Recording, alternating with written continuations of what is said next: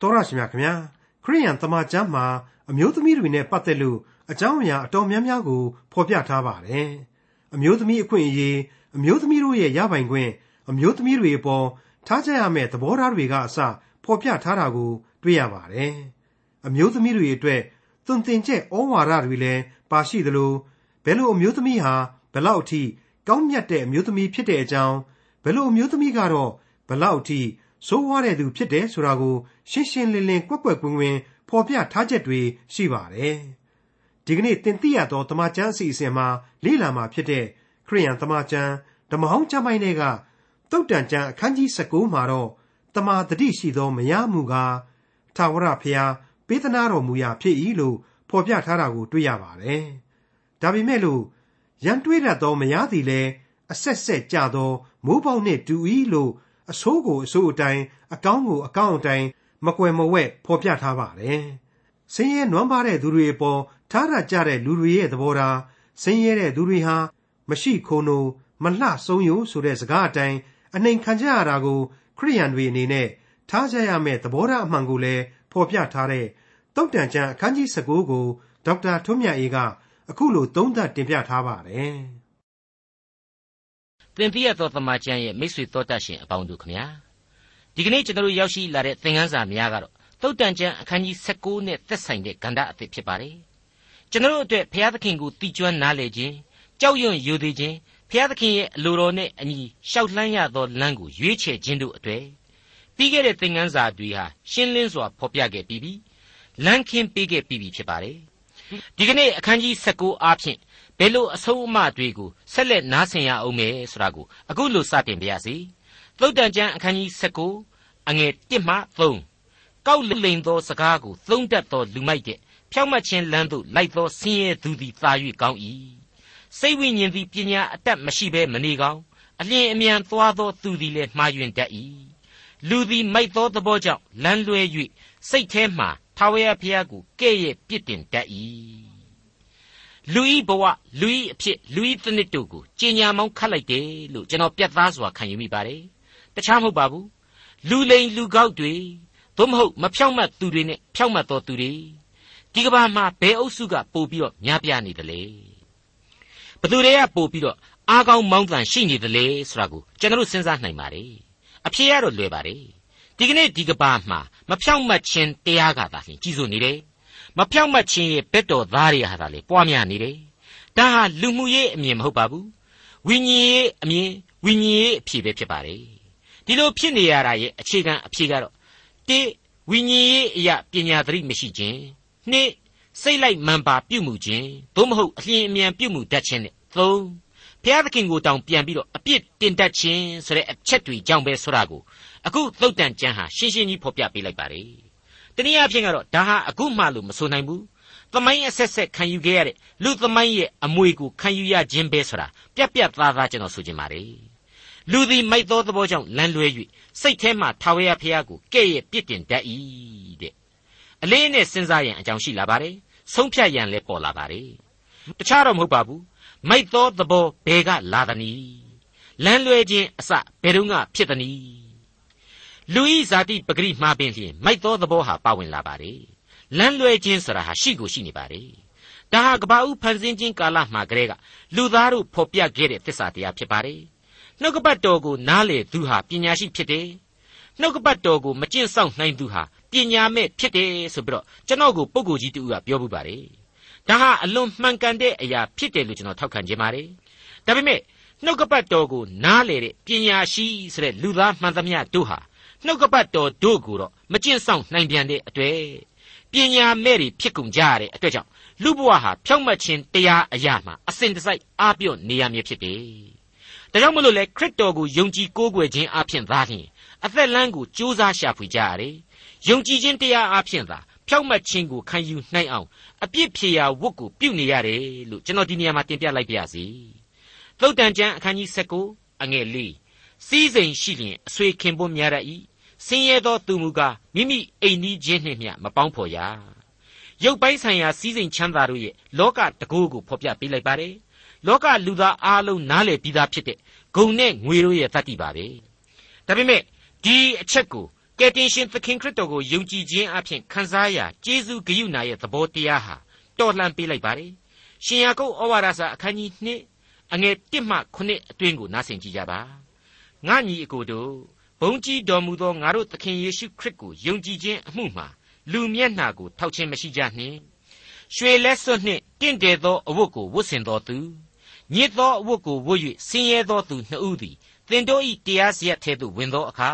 တင့်တယ်သောအဝတ်ကိုဝတ်ဆင်သောသူကိုကြည့်၍ကောင်းမွန်သောဤအရမှထိုင်ပါဟု၍၎င်းဆင်းရဲသောသူကိုဟိုမှနေလော့သို့မဟုတ်ဤအရမှငါခြေတင်ခုံအောက်၌ထိုင်လော့ဟု၍၎င်းသင်တို့သည်ပြောဆိုလျင် တစ်ဖက်၌ငဲကွက်သောစိတ်ရှိ၍မကောင်းသောအကြံအစီနှင့်စီရင်သောသူဖြစ်ကြသည်မဟုတ်လောငါချစ်သောညီအကိုတို့နားထောင်ကြလော့လောကတွင်ဆင်းရဲသောသူတို့သည်ယုံကြည်ခြင်းယရနာကိုရရစေခြင်းဟာဘုရားသခင်ကိုချစ်သောသူတို့အားပေးမည်ဟုဝန်ခံတော်မူသောနိုင်ငံတော်၏အမွေခံဖြစ်စေခြင်းဟာ၎င်းထိုသူတို့ကိုရွေးကောက်တော်မူသည်မဟုတ်လောသင်တို့သည်ဆင်းရဲသောသူကိုမထီမဲ့မြင်ပြုကြသည်တကားငွေရသောသူတို့သည် သင်တို့ကိုညှင်းဆဲနှိပ်စက်ကြသည်မဟုတ်လောတရားပလင်ရှေ့သို့ဆွဲငင်ကြသည်မဟုတ်လောသင်တို့ကိုသမုတ်သောနာမတော်မြတ်ကိုသူတို့သည်ကဲ့ရဲ့ကြသည်မဟုတ်လောအဲ့ဒီလိုဖော်ပြထားခြင်းကိုရှင်ယာကုပ်ဩဝါဒစာမှာကျွန်တော်ရှင်းလင်းစွာတွေ့မြင်ရပါတယ်လောကဥစ္စာစည်းစိမ်တွေဟာလူရဲ့ဇာတိပဂရိစိတ်ကိုလွှမ်းမိုးနေသမျှကာလပတ်လုံးမှာတော့လူဟာကိုယ့်ဘာသာကိုယ်တော့စာရန်ဘက်မှာရှိမှန်းမသိရှိနေရမှာအမှန်ပါပဲ လောကကြီးရဲ့လောဘဒေါသမောဟမာမာနတို့ဘက်မှာသာမျက်စိစုံမိတ်ပြီးယက်တီနေမိမှာဧကန်အမှန်ဖြစ်ပါတယ်မှုသာတော့မဟုတ်လိန်လေခြင်းဟာအပြစ်နဲ့မလွတ်ရဆရာဟာလေမဆန်းသောတရားတစ်ခုပါဒါဝိမင်းကြီးရဲ့အသက်တာမှာအကြီးအကျယ်ကြောက်မဲ့ဖွယ်လိန်လေလှည့်ပြားမှုကြီးတွေကိုကျူးလွန်မိခဲ့တယ်ဆိုတာကိုကျွန်တော်ဓမ္မရာဇဝင်တွေမှာရှင်းလင်းစွာတွေ့ကြရပြီးပါပြီအဲ့ဒီအပြစ်တရားရဲ့အဖို့အခါဟာလေဘလောက်အထိလေးလံနေဆိုတာကိုဒါဝိမင်းကြီးအခုလိုဆိုဖွဲ့ခဲ့တာရှိပါသေးတယ် အပြစ်မှလွတ်ခြင်းဒုစရိုက်အပြစ်ကိုဖုံးအုပ်ခြင်းသို့ရောက်သောသူသည်မင်္ဂလာရှိ၏ထာဝရဘုရားအပြစ်တင်တော်မူခြင်းနှင့်လွတ်၍လှည့်စားတတ်သောစိတ်တော်နှင့်ကင်းစင်သောသူသည်မင်္ဂလာရှိ၏ငါသည်အပြစ်ကိုမဖော်မပြဘဲနေစဉ်အခါတနေ့လုံးညီးတွားသောအဖြစ်ငါအယိုးတို့သည်ဆွေးမြေ့ခြင်းသို့ရောက်ကြ၏နေညာမပြတ်ကိုရောဤလက်သည်အကျွန်ုပ်အပေါ်မှလေး၍အကျွန်ုပ်ဤချွေးရည်သည်ຫນွေကာလဤသွေ့ချောက်ခြင်းကဲ့သို့ဖြစ်ပါ၏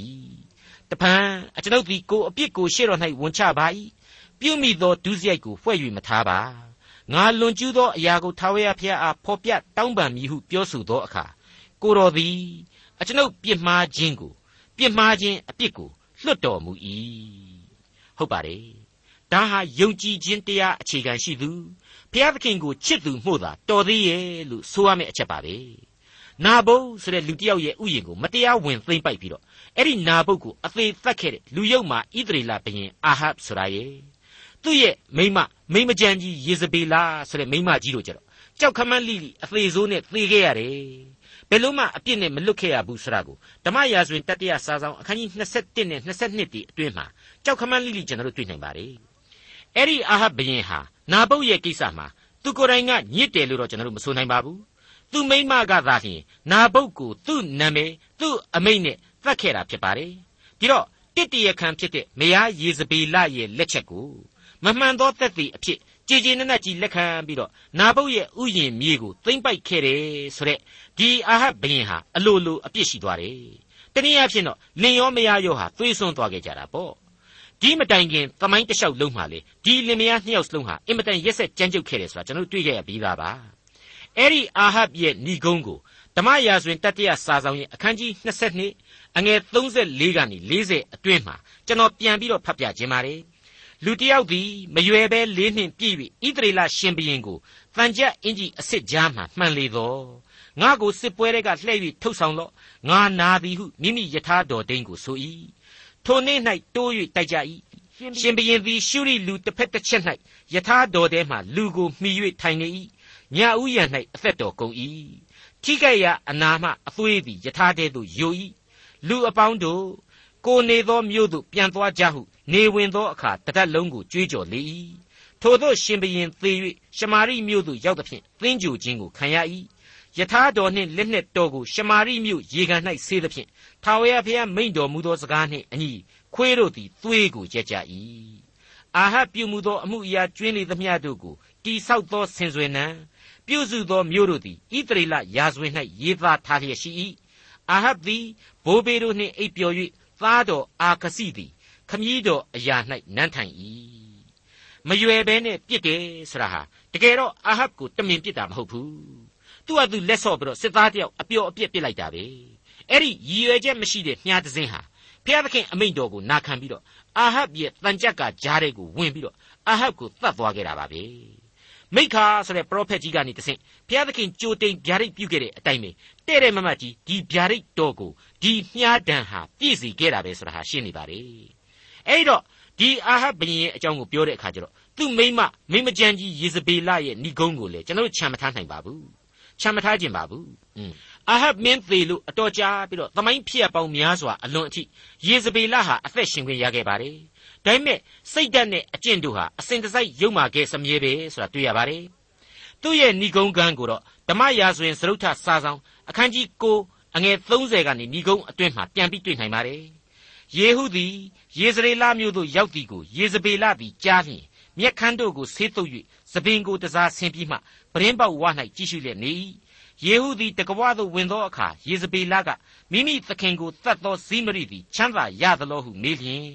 ယေဟုသည်မျှော်ကြည့်၍ငါဘက်မှအဘယ်သူနေသနည်းအဘယ်သူဟုမေးလေသောမိမစိုးနှစ်ယောက်သုံးယောက်တို့သည်ပရင်းပေါက်ထဲကကြည့်ရှုကြ၏ယေဟုကသူ့ကိုတွန်းချလိုက်ဟုဆိုသည့်အတိုင်းတွန်းချသဖြင့် သူ့အသွေးသည်နန်းတော်ထရန်အပေါ်၌၎င်းမြင်းတို့အပေါ်၌၎င်းဆင်၏ယေဟုသည်သူ့ကိုယ်ကိုနင်းလေ၏အထဲသို့ဝင်၍စားသောက်ပြီးမှထိုကျင့်အပ်သောမိမသည်ရှင်ဘရင်သမီးဖြစ်သောကြောင့်သွားကြည့်၍သင်ကျူလော့ဟုဆိုသည့်အတိုင်းသင်ကျူခြင်းဟာသွားသောအခါဥကောင်းကွန်ခြေပြားလက်ဖွားတို့ကိုသာတွေ့သောကြောင့်တဖန်လာ၍ကြားလျှောက်ကြ၏ယေဟုကယေဇရေလမြေခွဲ၌ခွေးတို့သည်ယေဇဗေလ၏အသားကိုစားကြလိမ့်မည်ဟု ထာဝရဘုရားသည်မိမိကျွန်တိရှပိမြို့သားအေလိယအားဖြင့်မိန့်တော်မူသောစကားတော်သည်ဤသို့ပြည့်စုံပြီတို့ဖြစ်၍ဤသင်ချိုင်းသည်ယေဇဗေလသင်ချိုင်းဖြစ်၏ဟုအဘယ်သူမျှမပြောနိုင်မည်အကြောင်းသူ၏အလောင်းကောင်းသည်ယေဇရေလမြေခွက်တွင်လေပြင်း၌နောက်ချေးကဲ့သို့ရှိရလိမ့်မည်ဟုဆို၏မိษွေတို့ခမညာဒါကြောင့်မို့လေသုတ်တန်ကျမ်းဟာပြင်းပြင်းထန်ထန်သတိပေးလိုက်ပါတယ်မမှန်သောသက်သေသည် အပြစ်မခံဘဲမနေရလို့ပဲဖြစ်ပါတယ်သုတ်တန်ကျမ်းအခန်းကြီး19အငယ်6မှ7များသောသူတို့သည်မင်းကိုဖြောင်းပြတတ်ကြ၏လက်ဆောင်ပေးသောသူကိုလည်းလူတိုင်းမိတ်ဆွေဖွဲ့တတ်၏ဆင်းရဲသောသူ၏ညီအကိုရှိသမျှတို့သည်သူ့ကိုမုန်းတတ်ကြ၏သူ၏အဆွေခင်ပွန်းတို့သည်သူ့ကိုသာ၍ဝေးစွာရှောင်တတ်ကြ၏လိုက်၍ခေါ်တော်လဲကွယ်ပြောက်ကြပြီပညာကိုရသောသူသည်မိမိအသက်ဝိညာဉ်ကိုချစ်ရာရောက်၏ ဉာဏ်ကိုဆွဲလန်းသောသူသည်လည်းကောင်းကျိုးကိုခံတတ်၏မမှန်သောသက်သေသည်အပြစ်မခံဘဲမနေရမှုသာကိုသုံးသောသူသည်လည်းပျက်စီးခြင်းသို့ရောက်လိမ့်မည်မိုက်သောသူသည်မပျော်မွေ့သင့်ထိုမြမကကျွန်သည်မင်းတို့ကိုအစိုးမရသင့်တမာတရိရှိသောသူသည်မိမိအမျက်ဒေါသကိုချုပ်တီးတတ်၏သူတစ်ပါးပြစ်မှားခြင်းကိုသီးခံသောသူသည်လည်းဘုံအတရိရှိ၏ရှင်ဘရင်အမျက်တော်သည်ရှင်သိဟောက်တဲ့ကဲ့သို့ဖြစ်၏ကျေးဇူးတော်မူကား မျက်ပေါ်မှကျသောနှင်းရည်ကဲ့သို့ဖြစ်၏ပေးကမ်းခြင်းဆရာဟာအောင်မြင်ခြင်းကိုဖြစ်စေတယ်ဒါပေမဲ့အဲ့ဒီလိုပေးကမ်းပြီးပေါင်းရင်းနဲ့ပဲလောကကြီးမှာမတော်မတဲ့ဖြစ်နေတာတွေကိုတွေ့ရတဲ့အကြောင်းတွေကိုပြီးခဲ့တဲ့သင်ခန်းစာမှာကျွန်တော်ဖော်ပြခဲ့ပြီးပါပြီအခုဆက်လက်ပြီးတွေ့ရတာကတော့ဆင်းရဲသောသူကိုတခြားညီအကူမောင်နှမတွေကတော့မုန်းတတ်တယ်တဲ့မှန်ပါတယ်မကြွေးခြင်းစေနာမထားခြင်းပိုက်ဆံလေးလာတောင်းတာကိုပဲမပေးခြင်းနဲ့စိတ်သဘောတွေကနေစတာပါပဲ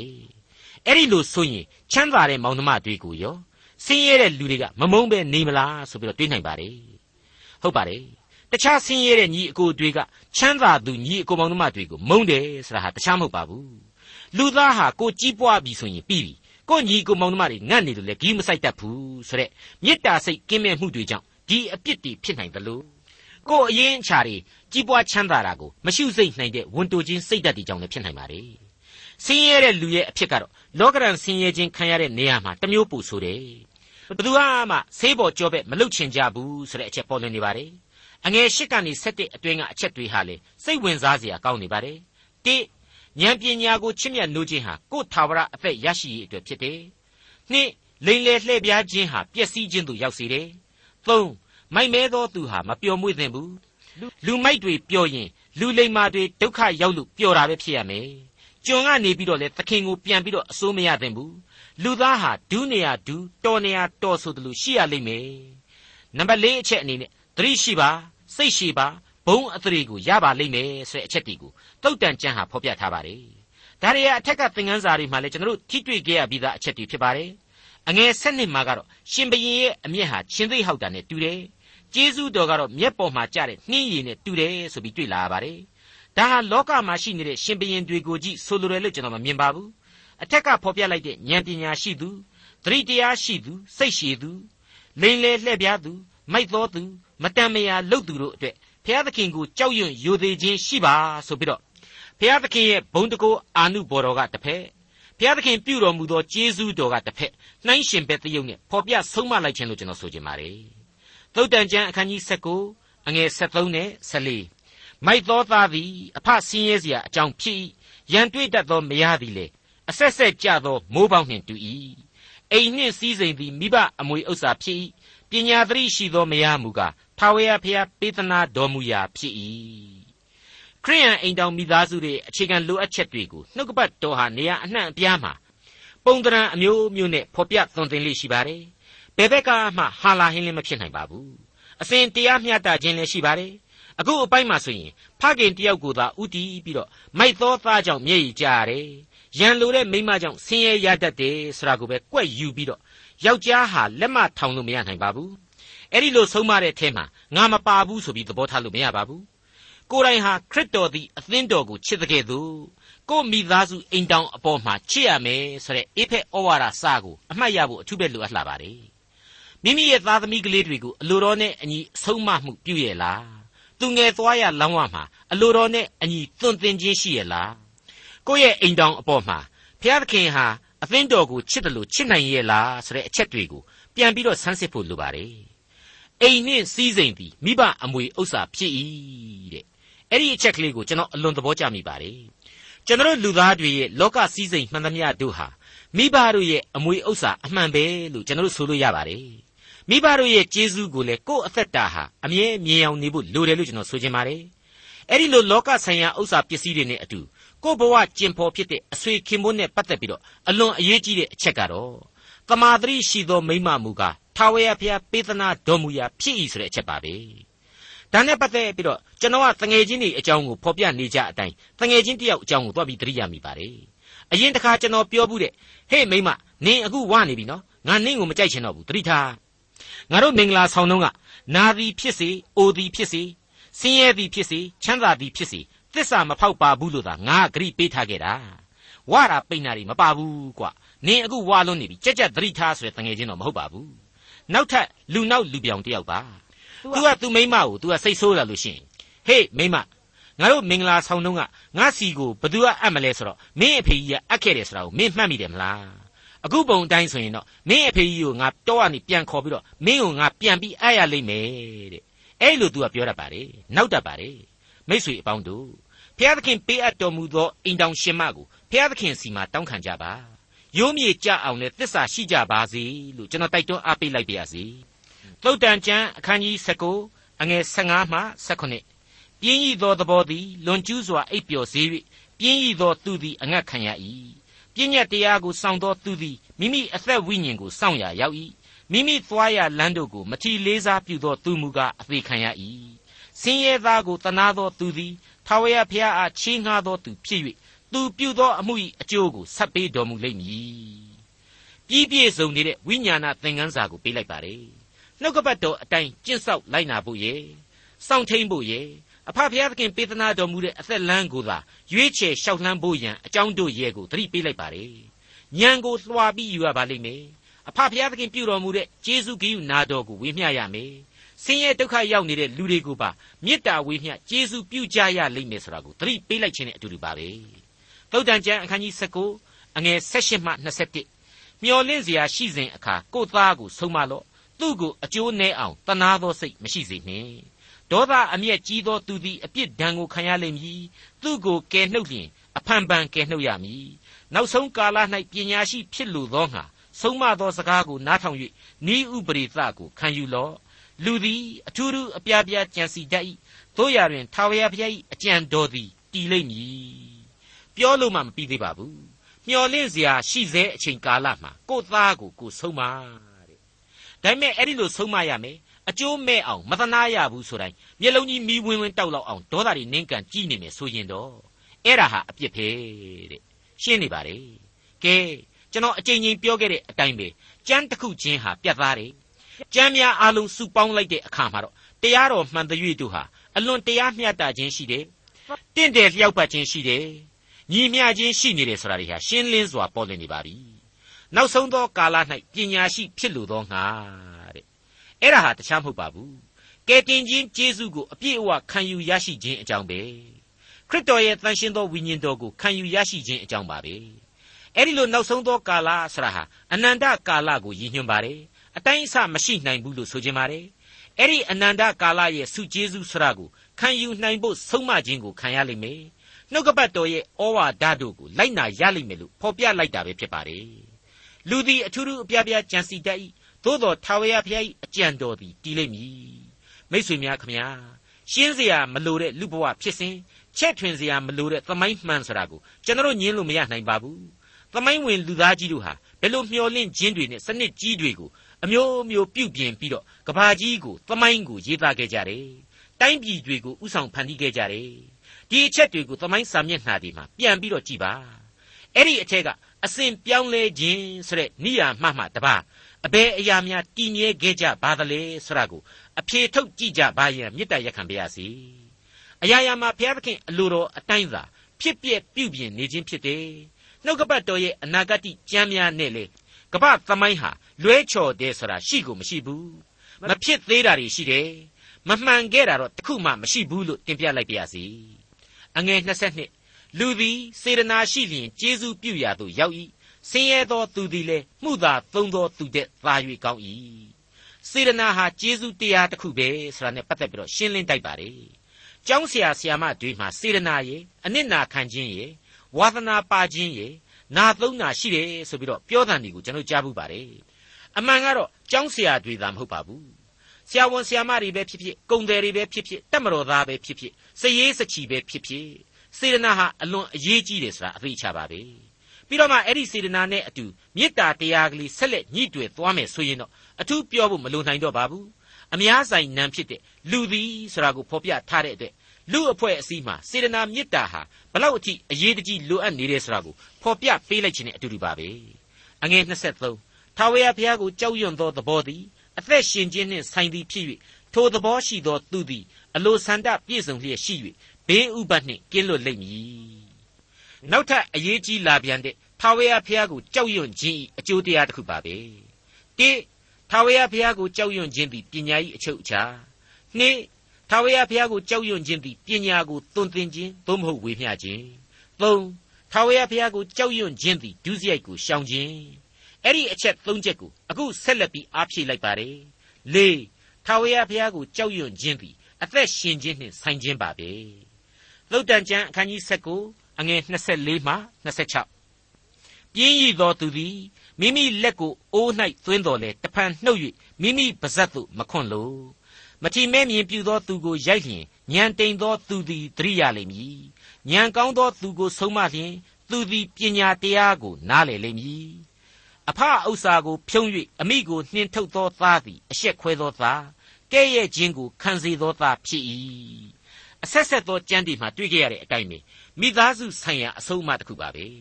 ပထမဦးဆုံးစပြီးတွေ့ရတာကတော့ပြင်းရည်ခြင်းအကြောင်းဖြစ်ပါတယ်အိုးတဲကိုလက်သွင်းပြီးတော့မုံကိုလက်ကရောက်နေတာတောင်မှအဲ့ဒီမုံလေးကိုယူပြီးတော့ကိုယ့်ပါဇက်တဲကိုမထည့်ခြင်းတဲ့လူမျိုးတဲ့ဒီနေရာမှာကျွန်တော်ကပုံပြင်ကလေးတစ်ခုတည်းကလူနှစ်ယောက်အကြောင်းကိုတွားပြီးသတိရမိပါတယ်နှစ်ယောက်စလုံးကလူပြင်းတွေဖြစ်ပါတယ်စောစောကဖော်ပြခဲ့တဲ့အတိုင်းပဲလက်ထဲကမုံကိုတောင်မှပါဇက်ထဲမထည့်ခြင်းတဲ့လူမျိုးတွေဆိုပါတော့ အဲ့ဒါနဲ့ပဲအဲ့ဒီလူပြင်းနှစ်ယောက်ကငုတ်တုတ်ထိုင်ပြီးပြင်းနေကြရင်နဲ့တယောက်ကစပြီးတော့ဟဲ့ကောင်တငယ်ချင်းမင်းနဲ့ငါနဲ့ဘသူပို့ပြီးပြင်းတယ်လဲဆိုတာပြန်ရင်ကောင်းမယ်ဆိုပြီးတော့စိန်ခေါ်တယ်ဆိုပဲအဲ့ဒီမှာဟိုတယောက်ကအတန်တောင်မှကောင်းကောင်းမထွက်ဘူးလေးပြောက်လေးနဲ့ပြန်ရမှတောင်ပြင်းပါတယ်တငယ်ချင်းရဲ့ဆိုပြီးတော့ပြောလိုက်ပါတယ်တဲ့ကဲအဲ့တော့ဒီလူပြင်းနှစ်ယောက်ထဲမှာတောင်မှပြိုင်ပွဲလှုပ်เสียမလို့ပဲနဲ့ကြံတယောက်ဟာဘိုးဆွဲသွားတယ်မဟုတ်ဘူးလား အဲ့ဒီလိုလူပြင်းတွေတဲ့ပို့ပြီးတော့ရုပ်ပြက်တဲ့ပုံကိုယ်ကြီးအကြောင်းကိုတော့အခုလိုဆက်ပြီးတရုပ်ဖော်ပေးလိုက်ပါတယ်မထီမဲ့မြင်လှုပ်ရင်ဒုက္ခလေးနဲ့ဆက်ဆက်ရိုက်ပြီးတော့သတိပေးလိုက်တဲ့လူစင်စစ်ကနေပြီးတော့ကျွဲတို့မြင်းတို့နွားတို့လိုဖြစ်နေတဲ့လူမျိုးကိုဆိုလိုတာပေါ့ညံကောင်းတဲ့လူတနည်းအားဖြင့်အမှန်တရားကိုလိုလားတဲ့လူဆိုရင်တော့ဆုံးမဩဝါဒပေးလိုက်တဲ့နဲ့မှန်ကန်တဲ့သစ္စာတရားကိုခံယူနိုင်ပါလိမ့်မယ်တဲ့သူကတော့စောစောကလူတွေလိုမဟုတ်တော့ဘူးကျွဲပါစောင်းတီမဖြစ်နိုင်တော့ဘူး မြင်းနေနွားတွေလိုရိုက်နေเสียမလိုတော့ဘူးအကျိုးကျေးဇူးရှိတယ်လို့ဖော်ပြပေးလိုက်ခြင်းဖြစ်ပါတယ်မိတ်ဆွေအပေါင်းတို့ခမညာဒီနေရာမှာနှုတ်ကပတ်တော်ကမဖော်ပြပေမဲ့ချွင်းချက်တွေတော့ရှိမှာပေါ့မွေးရပါအုံနောက်မကောင်းတဲ့လူမျိုးတို့မွေးကြတဲ့ကမစွန်းမတန်ဖြစ်နေတဲ့လူမျိုးတို့စွန့်အားနာမချဖြစ်နေတဲ့လူမျိုးတို့အဲ့ဒါမျိုးတွေကျတော့တမျိုးပေါ့ဒီလိုလူမျိုးတွေကိုတော့ကျွန်တော်တို့သဘာဝလူသားတွေကမေတ္တာစေတနာနဲ့ဝိုင်းပြီးတော့ကြည်ရမယ်လေကြွေးရမယ်လေဒါတကန်တာပေါ့တာမန်အဖြစ်ကတော့ဆင်းရဲသည်ဖြစ်စီ ချမ်းသာသည်ဖြစ်စီလူသားဟာအတိတရားတော့ပါလာတာကြီးပါပဲအထူးသဖြင့်ကိုဟာတနေ့မှသေကိုသေရမယ်လူဆိုတာကိုနားလည်နိုင်လောက်တဲ့ဉာဏ်အဆင့်ရှိနေပြီဆိုရင်ကိုယ့်ရဲ့အသက်တာကိုတန်ဖိုးရှိရှိအသုံးပြုကြရလိမ့်မယ်လို့ကျွန်တော်ဆိုချင်ပါတယ်ပြီးတဲ့နောက်မှနောက်တစ်ဆင့်စဉ်းစားလိုက်မယ်ဆိုရင်လူသားမှာတာမန်အဖြစ်မစွန်းဆောင်နိုင်စရာကိစ္စတွေဆိုတာဟာလေရှိရမှာဓမ္မတာပဲဖြစ်ပါတယ်အဲ့ဒီအထက်မှာတော့ကိုယ့်ရဲ့လောကုတ်တရားနောင်ရင်းနဲ့ဆက်ဆက်ပြီးတော့အများဆုံးစိုးရိမ်စရာတွေ ဘာဆိုဘာမှမတွေးဆနိုင်တာတွေအာမထုတ်နိုင်တာတွေတန်တရားတွေပူလောင်ခြင်းတွေဟာအများဆုံးဖြစ်ပါလိမ့်မယ်ကိစ္စမရှိပါဘူးငါ့ကိုချစ်တော်မူတဲ့ဘုရားသခင်လမ်းပြတော်မူတဲ့သခင်ငါအသက်ကိုဖန်တီးပြုပြင်သောအရှင်သခင်ရှိလျက်ဆိုတဲ့အသည့်တရားကိုမွေးမြူဖို့လိုအပ်လာပါတယ်သုတ်တန်ကျမ်းအခန်းကြီး19အငယ်28မှ29ငါသာပညာတရားကိုပယ်စီခြင်းဟာသွန်သင်သောသူ၏စကားကိုနားမထောင်နှင့် အတ္တမသက်သေးသည်တရားကိုမထီမဲ့မြင်ပြုတတ်၏မတရားသောသူသည်လည်းဒုစရိုက်ကိုစား၍မြို့တတ်၏မထီမဲ့မြင်ပြုသောသူတို့အဖို့အပြစ်စီရင်ခြင်းမိုက်သောသူတို့၏ကြောအဖို့ဒဏ်ပေးခြင်းသည်အသင့်ရှိ၏မိษွေတော်တတ်ရှင်အပေါင်းတို့ခမညာ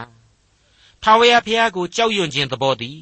အသက်ရှင်ခြင်းနှင့်ဆိုင်သောကြောင့်မိษွေတို့ကျွန်တော်တို့အသက်တာအသီးသီးဟာဘုရားသခင်ကိုအစဉ်တစိုက်နားလေသောအသိပညာနှင့်ကြွယ်ဝပြည့်စုံနိုင်ကြပါစေလို့ ဆုတောင်းမေတ္တာပို့သလိုက်ပါရစေဒေါက်တာထွန်းမြတ်ရေးစီစဉ်တင်ဆက်တဲ့တင်ပြတော်တမချန်းအစီအစဉ်ဖြစ်ပါတယ်နောက်တစ်ချိန်အစီအစဉ်မှာခရိယန်တမချန်းဓမ္မဟောင်းကျမ်းပိုင်းတွေကတုတ်တန်ကျမ်းအခန်းကြီး20ကိုလေ့လာမှဖြစ်တဲ့အတွက်စောင့်မျှော်နားဆင်နိုင်ပါတယ်။